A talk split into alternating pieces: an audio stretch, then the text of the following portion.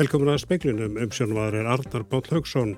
Gengi verið lengra í tilslökunum á grímurskildu en ríkisjónu tilkynnti í gær. Deild á landsbytala var loka í dag eftir að sjúklingur greindist með COVID-19. Smitt hafa greinst í nokkrum grunnskólum síðustu daga eftir að skólastarfa hóstað nýjum. Madurinn sem var skotin og særður að lauruglu á eigilstöðum í gær er á gjörgjæslu deildi landsbytalans þar sem líðan hans er stöðug. Rannsókmálsins er á frumstígi. Rúta með 30 manns festist í krossa við þósmörku í dag. Björgunarsveitamæður sem tók þátt í afgerðum segir stöðun að veri tvísina um tíma. Frankvændir við útsýnispallin á Bólafjalli við Bólungarvík hafa verið stöðvar þar sem byggingaleifi hefur ekki ennveri gefið út fyrir Frankvæntinni. Ef verkvallega flugumferðarstjóra og keflavíkuflugvelli skellur á á þriðu dag, gæti það haft áhrif á tæplega 6.000 farþega Æsland er. Hannes Fór Rasmussen, fyrirverandi fósætist á þeirra dana og framkvæmdastjóri Allarsarspandalagsins, gaggrinir ákvörðum bandaríkjamanna um að kalla hersinn frá Afganistan. Helbriðistáþra hefur ákveðið að slaka einn frekar á grímurskildu og þeim kröfum sem gerðar eru til enga svankama í veistlusölum.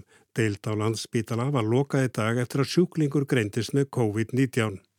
Frekari tilslaganir á sóttvarnareglum taka gildi á morgun. Ekki verður gerð krafa um grímur hjá sitjandi gestum á íþróttaviðburðum og hægt verður að halda engasamkvæmi fram yfir miðnætti í húsnæði þar sem vinveitingarleifi er ekki nýtt, þótt að kunni að vera til staðar. Þetta getur til dæmis átt við í brúðkaupum og afmælisveislum. Í tilkynningu heilbreyðisræðunetisins kemur fram að heimilt verði að taka niður grímu á þeim viðburðum þar sem hraðpróf eru notuð og að börnum á leik og grunnskólaaldri verði heimilt að mæta á slíka viðburði án þess að vera krafinum niðurstöðu úr hraðprófi. Stemtir að því að nótkun hraðprófa verði komin á fullt skriðum miðjan september og að prófin verði þá gjaldfrjáls. Deild á landsbítala var lokað í dag eftir að sjúklingur greindist með COVID-19. Þetta kemur fram á VF spítalans en ekki er gefið upp hver deildin er. Þar segir að smitið hafi verið óvænt en þegar hafi verið brúðist við með upplugum hætti og umfangsmikil sínataka og rakning hafist. Allir sjúklingar á deildinni séu í sótkví. Tólf liggja nú á landsbítala með COVID-19, tíu á bráðalegu deildum og tveir á gjörgjæslu deild þar sem annar er í öndunarvél. Hildur Margrit Jóhansdóttir tók saman. Tveir einstaklingar hafa látist á gjörgjæslu deildi landsbítalans af völdum COVID-19 síðastlina tvo daga. Samkvæmt tilkynningu frá sótvarnalækni voru þetta erlendir ferðamenn í heimsókn á Íslandi. Annar þeirra sem lést var á 70 aldri, hann var bólusettur, hinn var á 60 aldri og óbólusettur. Báður hafðu þeir verið veikir sögum COVID-19 í að mistakosti tvær vikur fyrir andlátt. Alls hafa 32 einstaklingar að látist af völdum COVID-19 á Íslandi frá upphafi faraldursins. Farið er að bera á tilkynningum um COVID-smiti í skólastarfi á fyrstu dögum höstannarinnar. Reglum um sótkví í skólastarfi var nýlega breytt svo færri þurfi að fara í sótkví þegar smitt kom upp.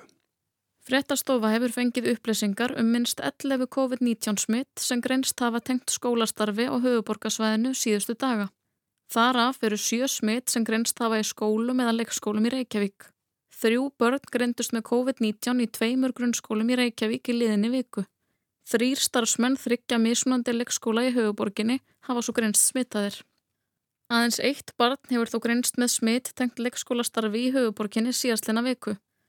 Þrjú börn grendust þó smittuð af COVID-19 í fjórðabekki Kársnesskóla í Kópói. Að sögn Bjargar Baldursdóttur skólastjóra Kársnesskóla grindist smitt hjá barni áður en skólastarfið hófst. Leikfélagar þess barns hafi svo smittast en voru einkennalaus og mættu því í skólan. Skólastjóri sagðist telja að það væri um 30 manns sem færi í sótt kví í tengslum við smittin. Í það minsta eitt smitt grindist svo meðal starfsfólks frístundaheimilisins við Lindaskóla. Frettastofa hefur ekki upplýsingar um fjölda smittana þar en allir starfsmenn þurftu að fara í sóttkví og er frísundaheimilið því loka tímabundið. Ólaf Rón Erlendstóttir saði frá. Madurinn sem skaut eh, á og særði maðurinn sem löðruglan skaut á og særði á eigilstöðum í gerkvöld eftir að hann skaut í átta löðruglu og nærlíkjandi húsum er á gjörgjæslu landsbítalans. Hann var fluttur þangað eftir atvikið þar sem hann gegst undir aðgeð en líðan hans er stöðug. Rannsókmálsins er á frumsti í sangkvæmt upplýsingum frá ennbætti hér að saksóknara. Fjöldahjálparstöð var opnu í, eigirstaðaskóla sítiðs í dag þar sem fólk að fengi áfalla hjálp og sálrænan stuðning.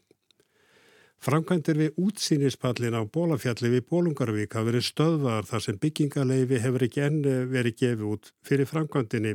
Pétur Bolli Jóhannesson, sérfræðingur á sviði öryggis mannverkja hjá húsnaðis og mannverkjastofnun, segir málið eitt af versta sem hann hafi séð. Eitthvað sé í að byggingaleifi verið gefið út því gögn hafi ekki borist fyrir enni gær. Nánari fjallaðu þetta mál á rú.is. Björgunarsveitir á Suðurlandi voru kallaðar út nú um háti í spil eftir að rúta með um 30 mannsum borðu festist í krossa á við Þósmörg. Björgunarsveitan aður sem var á vettvangi segir að vel hafi gengjan á fólki sem á rútu á land en staðan getur orðið tvísinn þegar svona stendur á. Magnús Kristjánsson er formaði björgunarsveitarinnar dagreiningar á Kolsvelli og var hann á meðal þeirra sem stóðu að aðgjörðum á vettvangi við krossa á fyrr í dag. Hann segir ávalt hættu á ferðum þegar bílar festast í krossá. Þegar uh, bílar eru stopp í krossá er, er náttúrulega alltaf ákveðin hætt á, hætt á ferð. Áinn áin getur grafið undan bílum og annað þannig að það gerist niður það. Magnús segir nærstata meðal hann að skálaverði hafa verið búna að ná fólki úr rútunni þegar fyrstu bíla björgunarsveita barað gardi. Allir komist farþegarnir klaklust í land og hann segir ástand á fólki hafa verið bísna gott þó eitthvað væri um að fólk hefði blotnað. Nei, fólk virtist vera nokkuð brátt að við komum að þeim og tekka á milli og talaði aðeins við fólk og svona bara taka stöðun að þau og það virtist allir bara vera þó nokkuð brattir og, og við buðum þeim að setja stilli heita og þurra björgunarsveitabíla sem kom á staðin og flestir aftökuðu það bara. Við vildum frekar standa bara úti og horfa á, horfa á, á hérna okkur við að ná rútun upp úr. Magnús segi það aftur á móti hafa verið nokkuð strempi verkefni að ná rútunni á þurft þetta er 40 sætar rúta þannig að hún er stóra þung og hún var búin að missa allt loft og það gerist á svona rútum að þegar það missa allt loft að þá fara alla bremsur á. En með samstiltu átaki og nokkrum öflugum aukutækjum sem tóku rútuna í tók hafðist það farsælega að endingu. Jón Agnar Ólarsson að rætti við Magnús Kristjánsson. Talsmaður bandaríska varnamálaráðuniti sem segir að bandaríkinni fylgist grant með frekari hættum í Afganistan ríki heimsir nú að lokast í brottbrutnings fólks frá landinu. Bandaríks stjórnvöld hafa vara við að frekari árásir séu yfirvofandi í Kabul. Hið minnsta 170 eru látnir eftir sprenginguna við Hamid Karzai flugullin í Kabul í gær. Á bladamannafundi í Pentagon sagði John Kirby, talsmaður bandaríska varnarmála ráðunitisins, að líkur væri á frekari árásum og bandaríski herin væri undir þær búin. Bandaríkjumenn hafa tilkynnt að ef þörf krefji muni þeir halda brottflutningi fólks áfram til 31. ágúst. Bandaríks stjórnvöld sögðu í dag að yfir 111.000 manns hefðu verið fluttur á brott frá Kabul. Spánverjar hafa lokið sínum hluta brottflutnings og lendi síðasta vélina á þeirra vegum í saminuðu arabísku fyrstadæmunum í morgun. Þjóðverjar og ástralir hafa einnig lokið sínum flutningi en frakkar munu hætta eftir daginn í dag. Bretar eru að loka metrinum hvað varðar blottflutning á þeirra vegum. Varðamálaráðarann Ben Wallace saði í dag að um þúsund manns erði flutt frá landinu í átt eða nýju flugferðum. Þá greindi DR frá því að í dag hefði síðasta herrflugvilin á vegum danskra yfirvalda lendi í Álaborg. Er 20 ára veru dansks herliðs í Afganistan því formlega lokið. Andri Magnús Eisteinsson sagði frá. Hinn árlega akureyarvaka hefði verið haldin um helgina ef ekki ríkti heimsfaraldur. Henni verður hefur verið aflýst en hátíðahöld verða þó einhver en verð lágstendari hættin áður. Á akureyri er haldið upp á tvöfalt afmæli um helgina. Það er akureyarbær sjálfur sem fagnar 159 árum en einni menningarhúsið Hóf sem heldur upp á að það eru 11 ár frá opnum þess. Undir venjulegum kringustæðum væri Akureyravaka haldin þessa helgi en hefur verið aflýst vegna aðstana í samfélaginu annað árið í röð.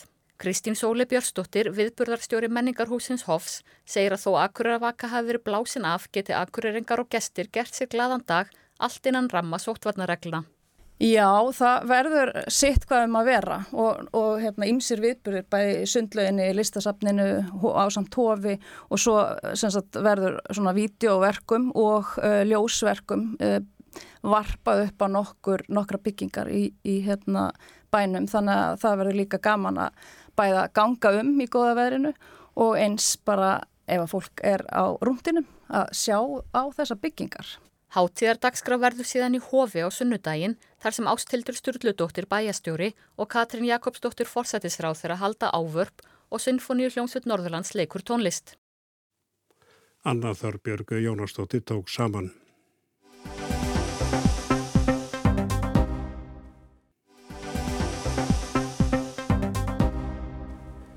Joe Biden bandaríkjafósiti heldur því staðfastlega fram að hann hafi tekið rétta ákvörðun þegar ákvöði var að kalla alla hermin heim frá Afganistan í lók þessa mánuðar. En þeir eru margir bæði innan bandaríkjana og meðal bandamanna Erlendi sem telja þetta alvarlegustu mistök bandaríkjastjórnar í ára tugi. Það kemur ekki sérstaklega óvart að republikanar í stjórnarnastuði bandaríkjanum skuli gaggrina Joe Biden fyrir að yfirgifa Afganistan og með hvaða hætti herinni kvattur heim. Mitch McConnell leitói republikana í öldungadeildinni var beittur í vikunni þegar hann sagði að brottflutningunni væri politísk mistök með skelvilegum afleðingum. McConnell var myndur á í viðtali hjá frittarstofi CBS að Donald Trump hefði upphaflega ákveðið að kalla hérinn heim frá Afganistan.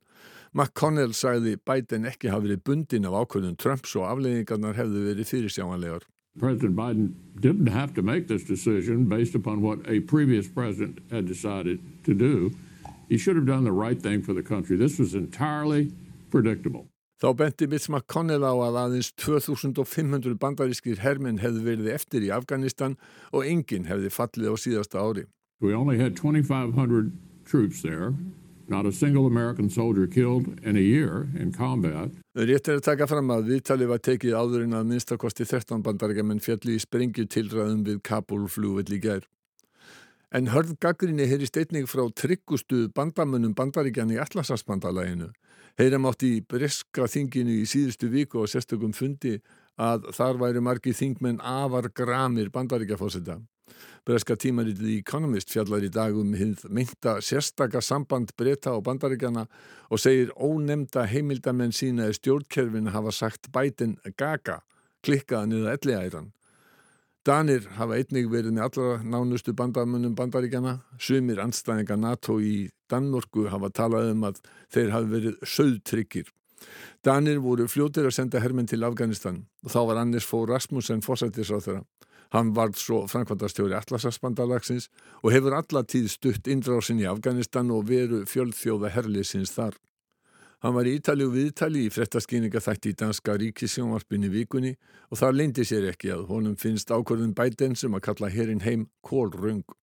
Hann bendi eins og Mitch McConnell á að aðeins 2500 hermenn hefðu verið í landinu en mest hefðu 130.000 erlendir hermenn verið í Afganistan.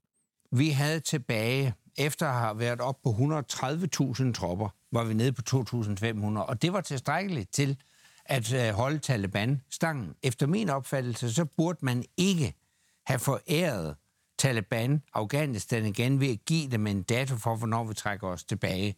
Anders Fogh sagði að þessir 2500 hermenn hefðu duga til að hafa heimil á talibunum.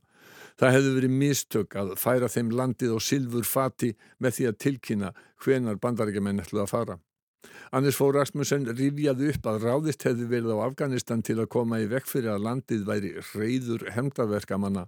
Það hefði tekist í 20 ár. Það væri mjög góður árangur. Vi gik inn i Afghanistan for að forhindra að Afghanistan igen kunne blive hjemsted for terrorister. I 20 år har vi været der, og i 20 år har vi forhindret det. Det er en kæmpe succes. Samtidig så har vi i løbet af de 20 år sikret sociale fremskridt. Levetiden er vokset, børnedødeligheden er faldet, der er kommet flere børn og unge i skole, og ikke mindst er mange kvinder kommet i skole, og det kan du ikke se væk fra. Anders Fogh bætti við að á þessum 20 árum hefði orðið mikla framfari í Afganistan. Ævilíkur hefði aukist, barnadauði hefði minkað, fleiri sótt nám, ekki síst konur og þessu mætti ekki glema. Þess vegna teldi hann að alþjóða herin hefði átt að vera áfram í landinu með þessa 2500 hermen, það hefði verið allt og sumt en dugað til að hafa stjórn á ástandinu. Og jeg mener, at man burde have været øh, blive der med de 2.500 mand, der var tilbage. Det var alt, hvad vi havde tilbage, og det var nok til at stabilisere situationen. Jeg synes ikke, man kan være bekendt at forlade Afghanistan på en måde, der rejser tvivl om, hvorvidt det har været en succes. Hannes Fó harmaði að Afganistan hefði verið yfirgefið á þann hátt að það fái fólk til að gleima að veran í Afganistan hafi náð tilgangi sínum. Þessi gaggríni fyrirverandi fórsættisráþur að Dana og framkvæmdastjóra Atlasarspandalagsins er til marksum að fjölmarki ráðamenn Vesturlanda eru af að reyðir Joe Biden bandaríkjafósita fyrir brottflutning bandaríkjahess frá Afganistan og margir óttast að Mitch McConnell hafi rétt fyrir sér þegar hann segir að Afganistan eigi eftir að verða eins og það var þegar að ráðist var á landið. Absolutely. I, I, no question about it. Afghanistan will shortly return to exactly why we went there in the first place. Og það var Bói Ágússon sem að tók þenn pistil saman.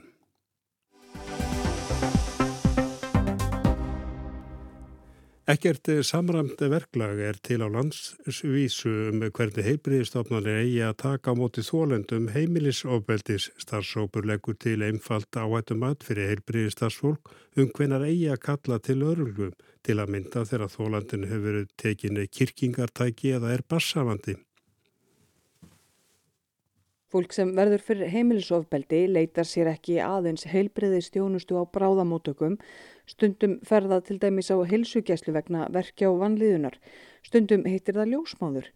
En hvað skildi taka við í hvaða ferli fara málinn? Drífa Jónastóttir er afbrótafræðingur. Það er bara mjög misjant náttúrulega inn á hvaða deil kannski ef við ferum í mæravendin eða fyrir á bráðamótöku eða fyrir á heilsugjæsluna hvað er hún teku við en kannski punkturinn sá að það er ekkert samræmt verkla eins og landsvís og allir gerir eins og allir fái eins tjónustus heldur er það bara þú veist allir heilbíðstarfsmennir faglegir með velvilja sinna vopni þannig að það er rauninni bara mjög misjant hvernig þjónustum maður fær þegar maður kemur inn á heilbíðstofnun. Getur það jafnvel farið eftir því hver á vakt hverju sinni?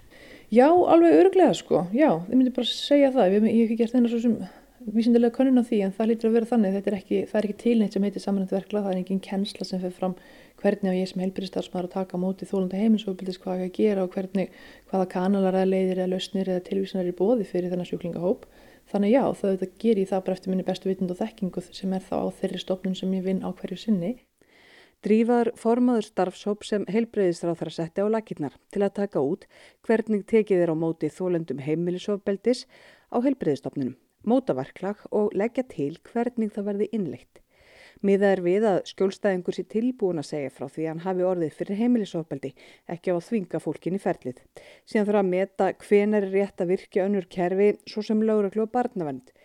Til þess er lagt til innfalt áhættumat með mælikvörðum sem ekki eru huglægir. Spurningarnar eru þrjár. Ef að þólandi var kirktur, tekin, tekin hálstaki í árásunni, ef að konur eru ófrískar, ef að bann undir fimm ára aldrei að reyna þá að hafa svolítið snemtaka í hlutinu og það sé bara eitthvað raukt flagg og eigi hringi í lauruglu og líka sumulegis ef að, að þólandin á aðra komu á bráðamótöku á einhverju ákveðinu tímabili þá sé það eitthvað líka sem þurfa að grýpa inn í. En eins og ég segi það eru fullt af öðrum atriðin sem að væri líka hægt, hægt að hafa í, í huga en það er bara flókið í praxís fyrir heilbyrðistarsmenn að fara að vinsa allir því og það þarf að gefa því vægi og svo framvegist þannig að við reyndum að hafa bara nokkur atriðir sem eru ef já, ef eitt af, af, eða fleiri af eftirfarandi þá bara ringi lauruglu og ræsa kerfið og lauruglun hefur samband við barnavend og, og hérna, við setjum svona aðeins meira, meira, svona, meira yngripp inn í þau mál. Fyrstu viðbröðin eiga að vera að bjóða öllum viðtal, skoðun og myndatöku af líkamlegum áverkum. Þegar svona verklega komið á, þá myndi ég bara sem, sem hjúknumfræðingur, læknir eða ljósmaður eða annar fagaðil í helbyrðiskjörnum segja sæl eða sæl, hérna er þetta verklega varandi þessi mál.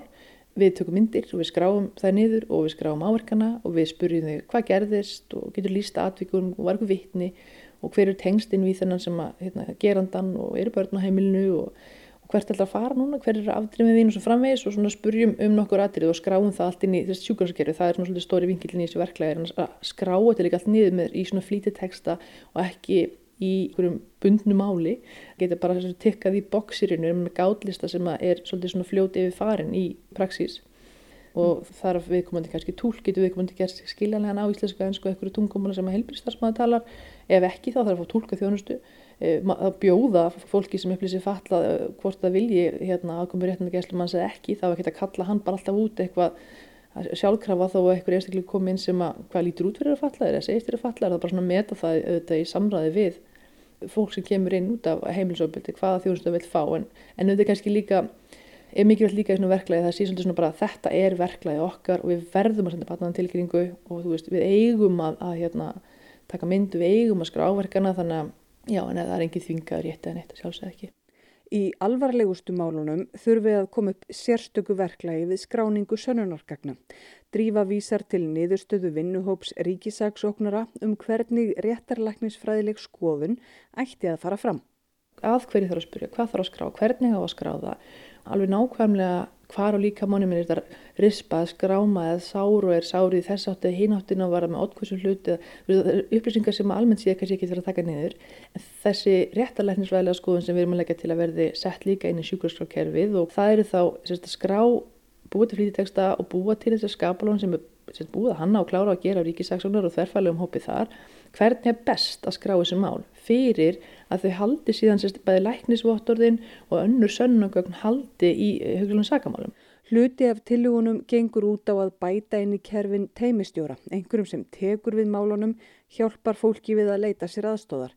Þannig verður hægt að draga úr líkum á að fólk verði fyrir sí endur teknu ofbeldi heimaferir. Ég upplýði ekki sem, sem hjúknumfræðingur á helsugjæslu eða eitthvað stærn í helbyrðiskerfinu, ég er að fást þeim í sjúkling og ekki mann bara aftur og aftur og, og hvað sem andlegt eða líkalegt eða kynfyrirsaldofbeldi eða allt að, að það vantar einhvern veginn að koma þessu áfram, tengja þetta áfram inn í kerfin meira.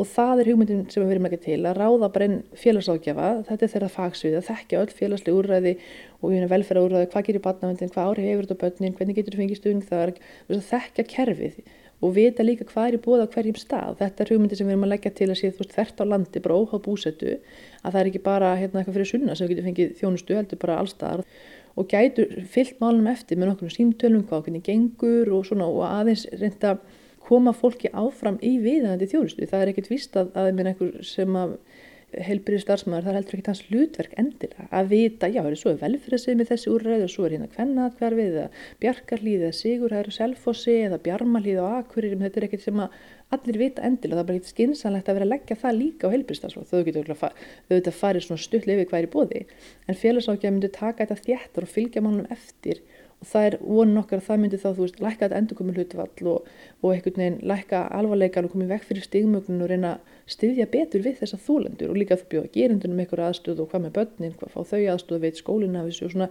aðeins að reyna að tengja, hjálpa fólki að, að, að, að sem eru þólendur að vita hvað er í bóði fyrir þig. Þá leggur starfsópurinn til að bætt verði við stöðugildi í áfallateimi landsbítalans, mannesku sem veri sér fróðum áföll sem fólk upplifir eftir heimilisofbeldi. Einnig þurfi að fræða heilbreyðistarsfólku um heimilisofbeldið, vinna í hugbúnaði og ekki síst að fá til verksins einn gæðastjóra fyrir landið allt, einhvern sem sérum að fylgja því eftir að heilbreyðistofnanir innleiði verklægið í raun. Og þá var Ragnhildur Tólarsíu sem að saði frá og talaði við Drífu Jónastóttur.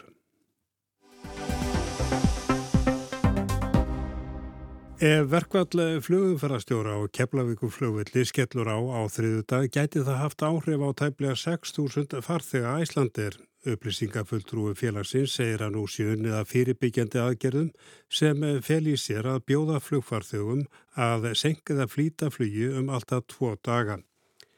Það hljóma nokkuð kunnulega að flugumfærarstjórar bóðu til verkvalls. Nú gæti stemti í fimm klukkustunda verkvall eða vinnustöðun árdegis á þriðudaginn. Það er þó alls ekki vísta til verkvalls komi. Sáttafundur var í gær og annar í dag. Eftir því sem næst veru komist hefur deilan sem er hjá sáttar sem er ríkisins fyrst og fremst er snúust um tilhjókun vinnutímans í tengslum við styttingu vinnuveikunar.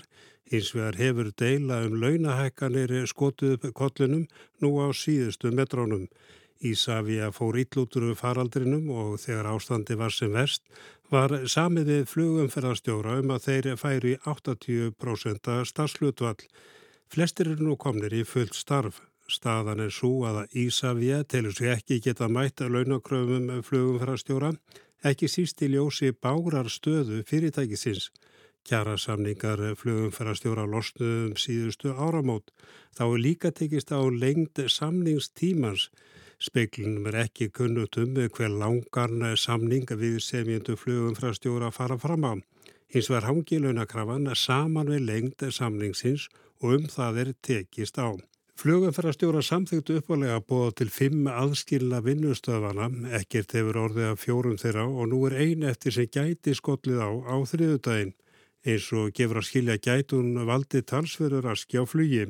Snemma morguns og fram til tíu eru á áallun 13 flugvíra til landsins um Keflavíkurflugvöld, 12 frá Bandaríkjanum og 1 frá London.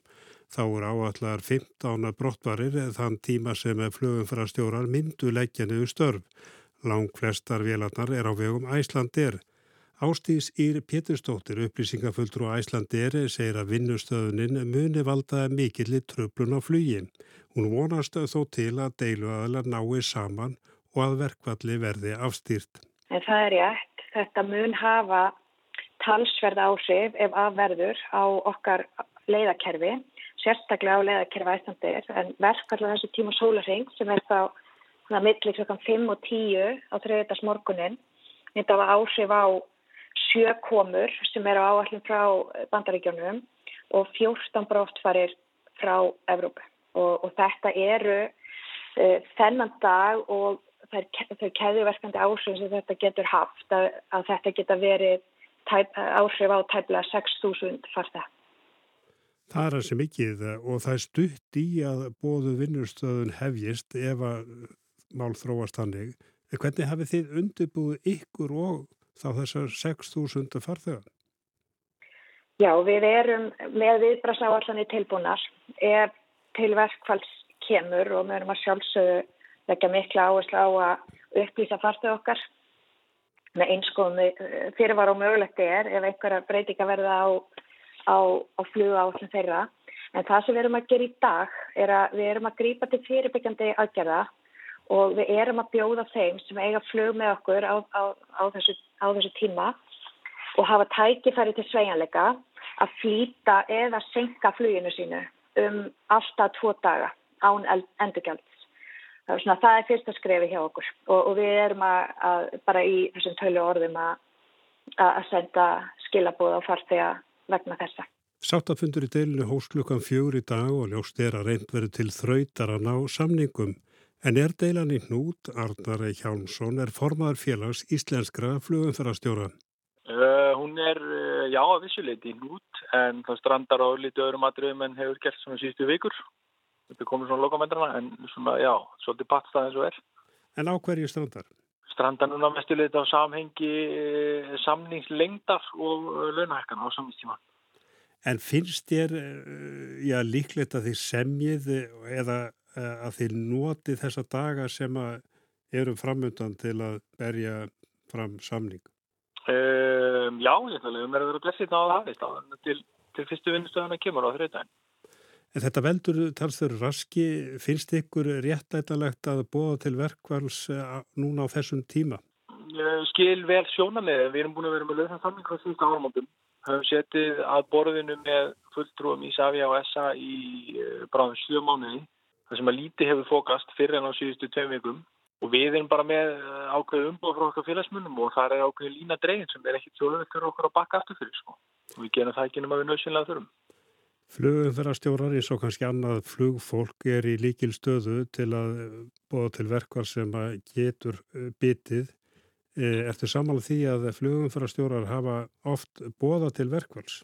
það er bara held ég skilgjenningadri við höfum búða til verkfalla á vinnustöðuna í gegnum tíðina en það, það er teljandi örfán klufutum þeir tímar sem við höfum farið í verkfalli gegnum tíðina því svo sem ekki með einhverjar uh, sögulegar stærrendur og tölur um það en við höfum notað yfirvinnubann, þjálfunnubann og svo vinnustöðunis sem, sem, sem satt verkfallsvotn og það hefur ör sjaldan komið til þess að við förum í vinnustöðunis sko. Þetta var uh, Arnar Hjálmsson og lítum aðeins til veðurs. Eh, hvernig á morgunni? Snýst í suðvestan 8 til 15 metrar á sekund á morgunni. Skýja með köplum og sumstaðar smá skúrir. En áframbjart fyrir austan heiti 11 til 19 stig hlýjast eistra.